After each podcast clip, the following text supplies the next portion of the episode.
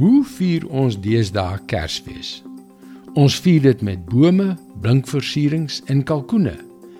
En dit is op sigself redelik vreemd. Maar miskien doen ons dit omdat die hele viering van Kersfees so vreemd is. Hallo, ek is Jockey Gouchee vir Bernie Diamond en welkom weer by Vars.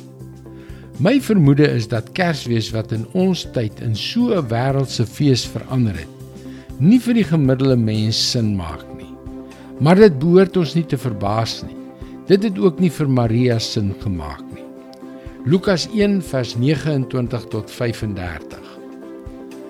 Verward en ontsteld het Maria gewonder wat die engelse begroeting kon beteken. Moenie bang wees nie Maria, het die engel gesê, want God het besluit om jou te seën. Jy sal swanger word en 'n seun hê en jy moet hom Jesus noem.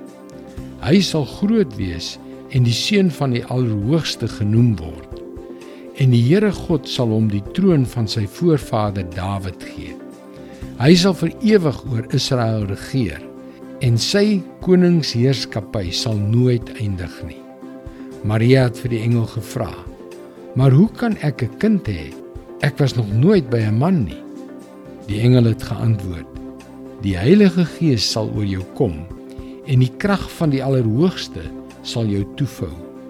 Daarom sal die kind wat gebore word heilig en die seun van God genoem word. Ja, dis inderdaad verwarrend, nê? Nee. Maar ons lees dat God se gedagtes nie ons gedagtes is nie. Sy weë is ook nie ons weë nie. Hy doen dinge op onverwagte maniere, maar dit is geen rede om te verval in 'n gemaklike Christuslose Kersfees nie. Die goeie nuus is dat Jesus vir jou gekom het. Hy het op so 'n onverwagse manier gekom en so 'n onverwagse ding kom doen. Hy het gekom om jou van jou sonde te red.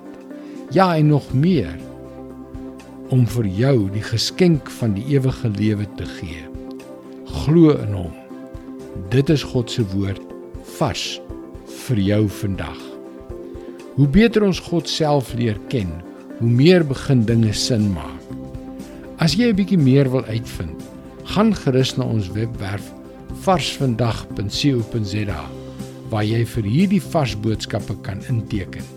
En luister weer môre op dieselfde tyd op jou gunstelingstasie vir nog 'n boodskap van Bernie Diamond. Mooi loop.